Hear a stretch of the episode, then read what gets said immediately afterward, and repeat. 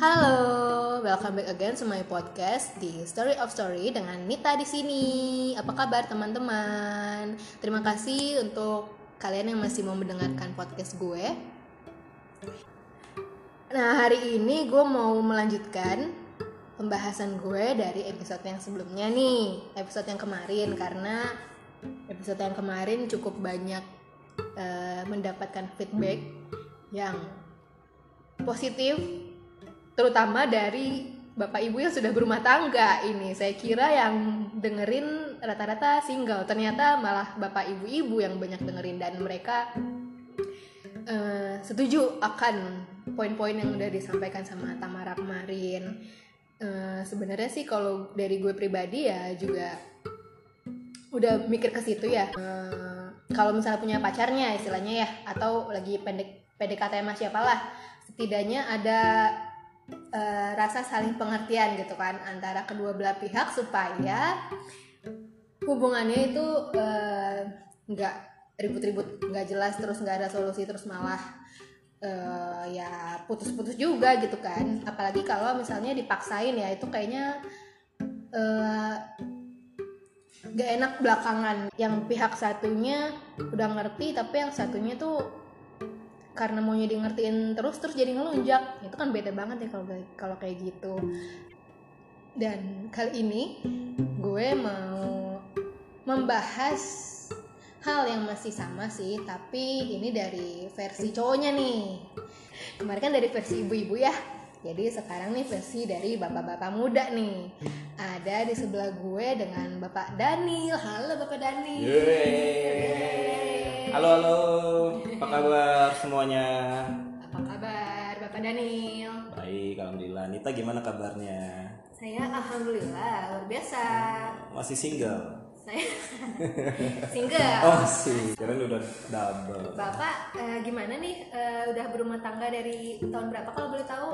Oke, uh, sebelumnya salam kenal dengan gue Daniel. Udah berumah tangga itu dari 2016. Jadi sudah berjalan empat tahun setengah lah. Wow. Dari mau lima tahun ya? Mau lima tahun. Sudah dikaruniai anak satu, umurnya juga udah beranjak tiga tahun. Lucu banget dan dikaruniai satu istri juga. Mudah-mudahan hanya cukup satu ya Bapak ya. Iya mudah-mudahan ya mudah-mudahan sampai akhir hayat memisahkan. Amin. Nah, Bapak Daniel udah dengerin podcast gue kan yang kemarin? Udah. Ya. Terus gimana nih menurut Bapak Daniel nih uh, dari pandangan cowok apa yang mau ditambahin atau ada yang kayaknya gue nggak setuju deh gitu mungkin ya Ya sebenarnya sih apa yang disampaikan kemarin sama temen lo nih ya uh, itu ya sedikit banyak uh, tercerminkan realita yang ada di dalam kehidupan rumah tangga. Cuman di sini mungkin ada penambahan ya.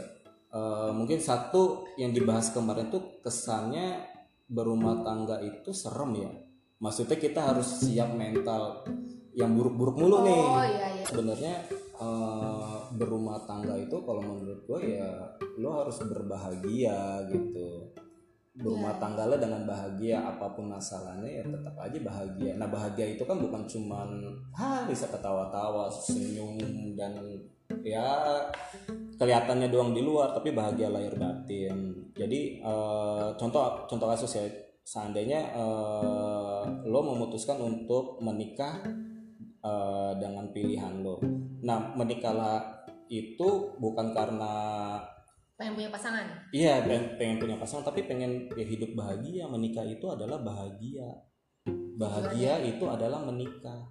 Itu. Mungkin ada beberapa orang yang emang harus nikah ya buat bahagia.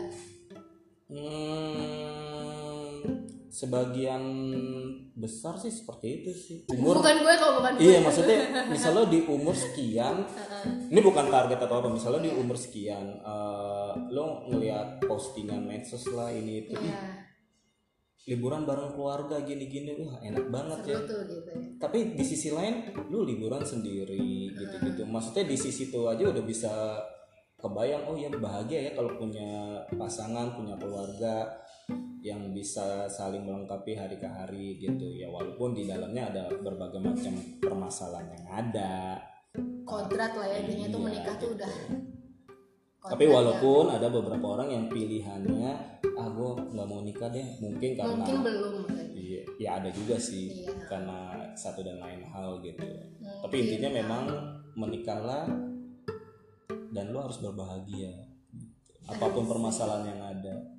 Apa pun itu cobaan tantangan rintangannya Iya. segala macamnya harus jangan bayangin yang buruk-buruk. Oke kita mesti mempersiapkan mental materi segala sesuatunya sebelum menikah. Tapi jangan lupain satu poin penting yaitu kebahagiaan. Iya. itu eh, bisa disambungin juga nggak dari pengertian yang kemarin nih? Kalau misalnya salah satu eh, ini yang buruknya lagi nih. Hmm, satu mengerti terus yang satu enggak ibaratnya kayak ya gimana mau bahagia kalau misalnya kayak gitu gimana tuh? Itu kuncinya adalah lo berdamailah dengan diri lo sendiri. Hmm. mungkin agak kata-katanya agak sulit dicerna tapi eh, dari kita sendiri Iya. dulu ya maksudnya? Kita dikaruniai ego dan pemikiran masing-masingnya yo. Ego dan pemikiran masing-masing itu nggak semua orang bisa terima. Hmm.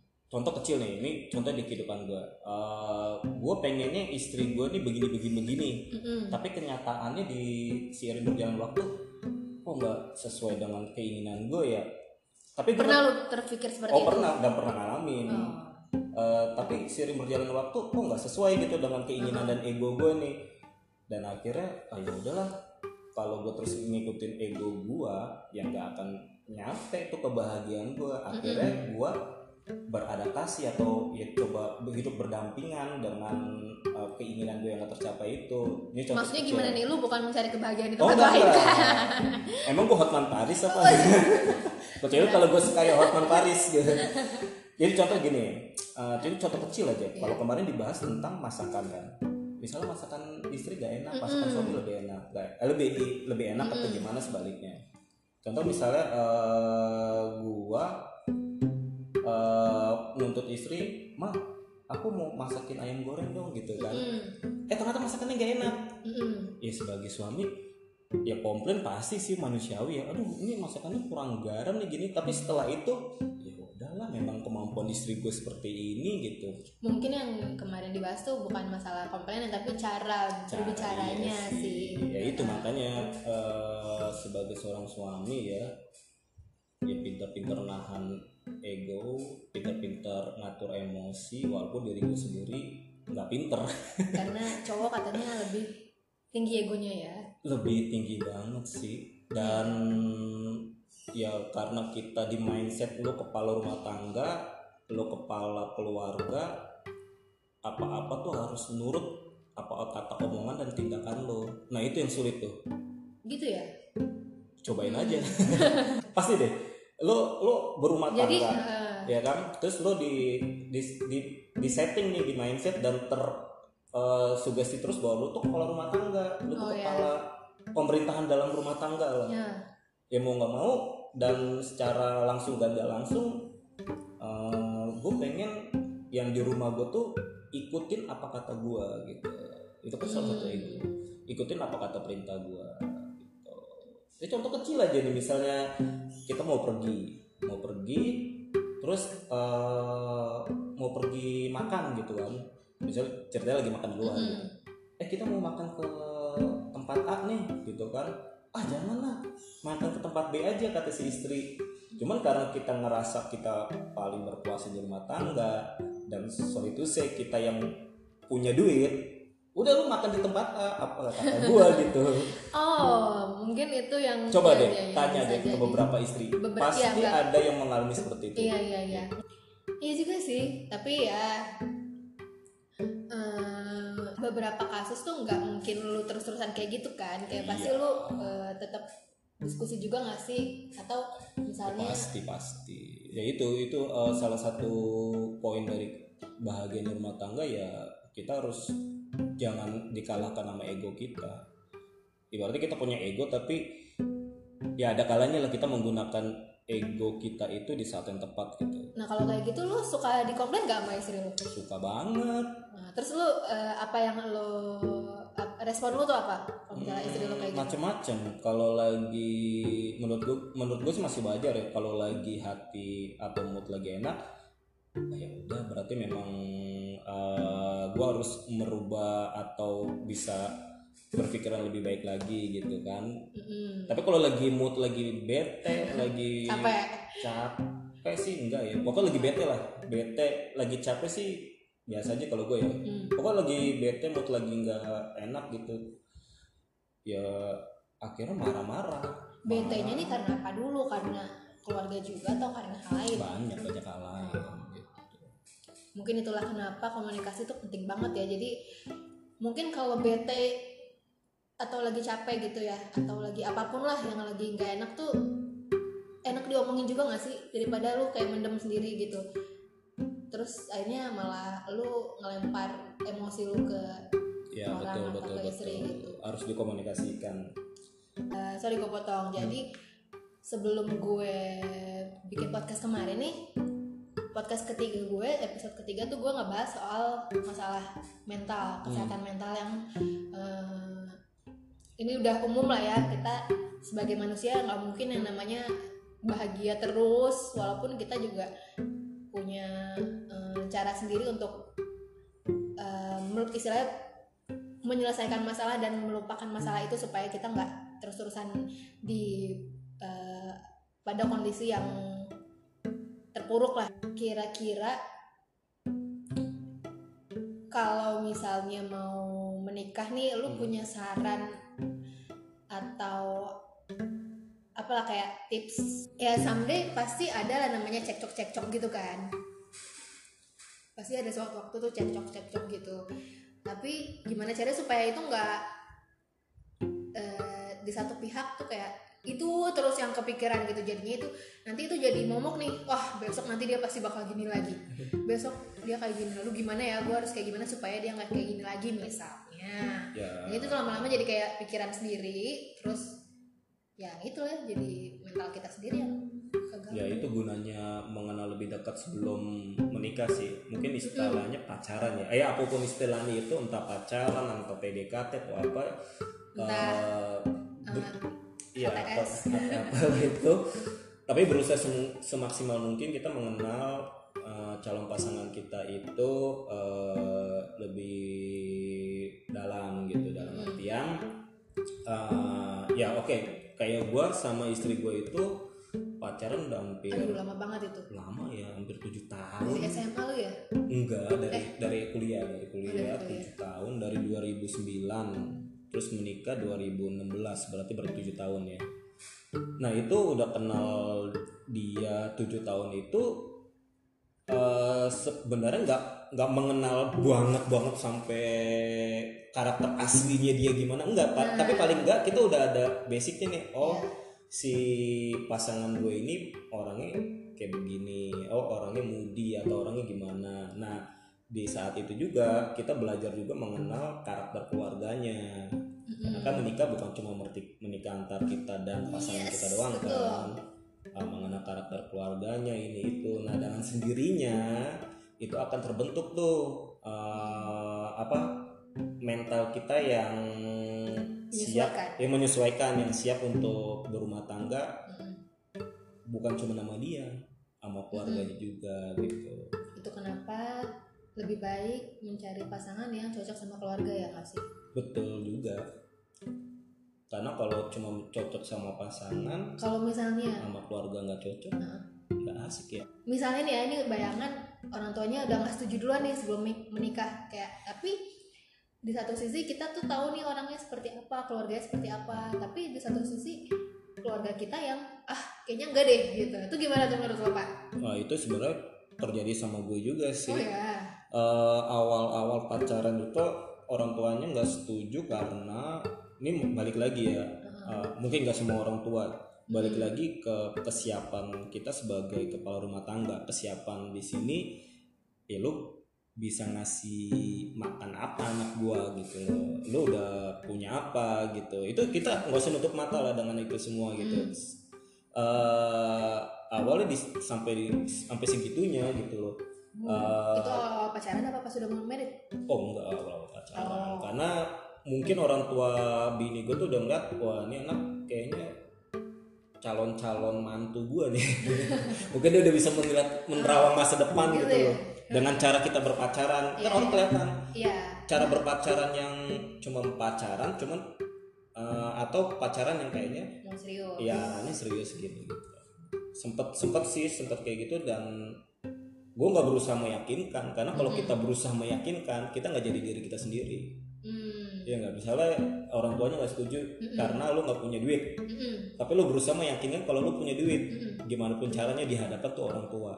Ya jadinya ya kosong pepesan kosong. Beda halnya kalau misalnya ini orang tua eh, nggak setuju karena lu nggak punya duit. Oh ya nggak apa-apa. Tapi di balik itu eh lo berusaha semaksimal mungkin gimana caranya? Ya bukan nunjukin ya maksudnya di saat yang tepat orang tua atau calon bes apa calon orang tua kita itu melihat oh ternyata memang nih anak bertanggung jawab bertanggung jawab eh, dengan segala usahanya yang ada. Daripada lo berusaha untuk nunjukin gitu ini gue punya duit nih maksudnya misalnya kayak gimana tuh nunjukin tuh lu nyomok apa gitu Oh enggak, enggak gitu. apa, Maksudnya gini, apa. gini. Contoh, contoh kecil. eh di saat orang tuanya nanya gitu, "Eh, kamu kerja apa gitu kan? Hmm. Oh kerja ini om, saya kerja copet om. oh ya copet itu banyak loh duitnya. Oh, gini-gini. kalau Tapi ternyata di di sisi lain itu lo agak ngebullshit gitu loh. Padahal kan copet sebenarnya ada ada beberapa jenis. Hmm. ada copet uang negara ya kan ada copet pinggir jalan tapi lu bilangnya nyopet.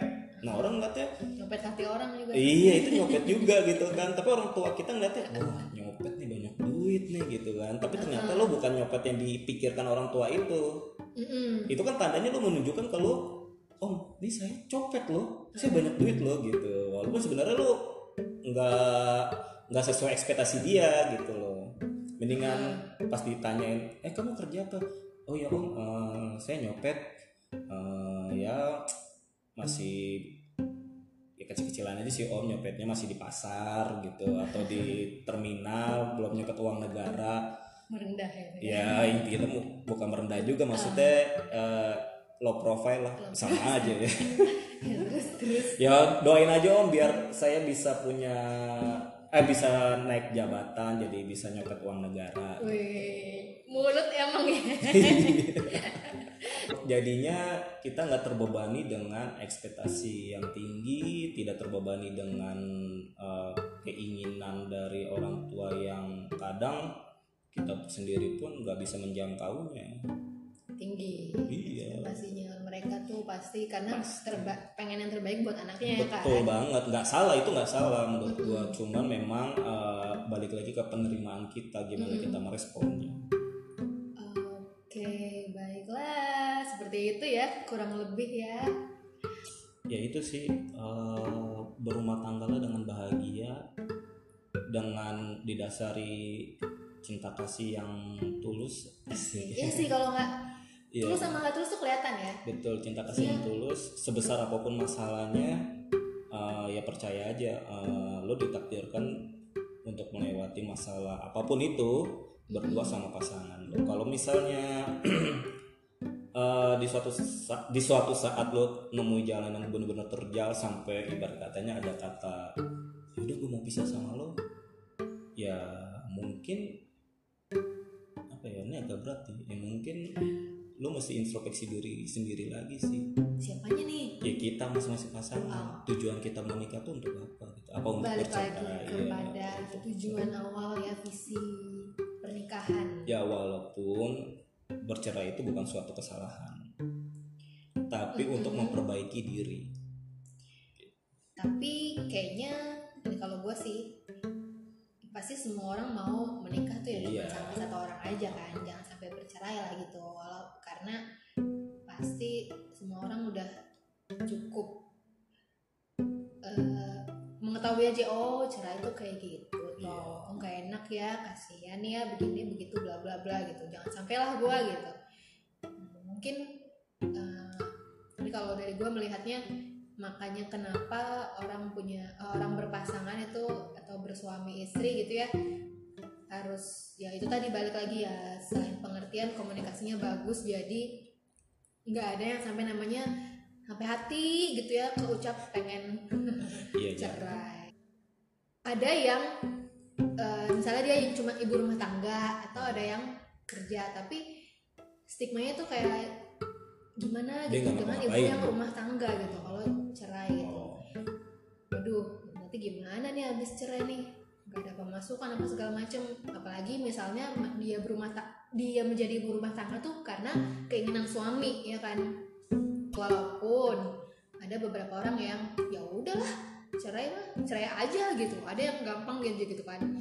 Ya mungkin pikirannya mau eh, bisa nikah lagi atau ya enakan hidup sendiri aja gitu. Tapi tetap sih eh, kayak udah kodrat sebenarnya nggak bisa hidup sendiri pasti. Walaupun kitanya kuat tapi kalau misalnya kita lagi butuh kita butuh teman cerita butuh eh, apa ya ada support ya kalau bukan dari keluarga siapa lagi? gitu. itu sih mungkin dia dari uh, menurut gue. Baiklah ada lagi nggak bapak Daniel? Jadi yang itu aja. Ya mudah-mudahan uh, sharing ini bisa bermanfaat terutama buat diri gue sendiri yang bisa memperbaiki diri ke Ya, depannya lebih ya lebih menyayangi keluarga lebih Amin. keras mencari nafkah nafkahnya ya. Tetap ya kalau suami tuh harus bertanggung jawab dong Iya, kan. Tapi ini ya Pak Sutri yang cukup mantap lah dalam segi finansial tuh eh, mau terus eh, membangun agar ini lebih kebaikan anak ya kan? Ya semuanya sih rumah tangga ya kan? Ya udah mungkin segitu dulu aja pembahasan kita kali ini. Eh, semoga mewakili apa yang menjadi pemikiran bapak-bapak muda di luar sana. Dan yang pasti pernikahan itu adalah bukan cuma setahun dua tahun gitu kan. Yang tujuan pernikahan itu bukan cuma satu tahun dua tahun. Jadi pengen dalam jangka panjang yang pasti dalam waktu selama itu selalu pengen belajar belajar terus. Gak mungkin eh, ngerasain cuman cuman tahu sebentar terus udah nyerah aja gitu. Itu namanya sama aja kayak ya buang-buang waktu sih ya. Mendingan lu gak usah mendingan lu jangan nikah dulu. Kalau itu berarti lu nggak siap atas eh, masalah yang akan lu hadapi di kehidupan rumah tangga ya nggak? Ya udah terima kasih ya bapak Daniel atas kesempatan dan Sama-sama. waktunya. Sehat selalu. Semakin bahagia semakin sejahtera semakin baik-baik semuanya. Semoga selalu yang terbaik lah ya. Amin Amin, amin amin. Mungkin nanti next next episode berikutnya kalau Bapak Daniel mau join lagi, Boleh. Nanti pembahasannya bisa lebih beragam lah. Ya. sip Oke, Dah. bye bye teman-teman. Terima kasih yang udah mendengarkan. Dah.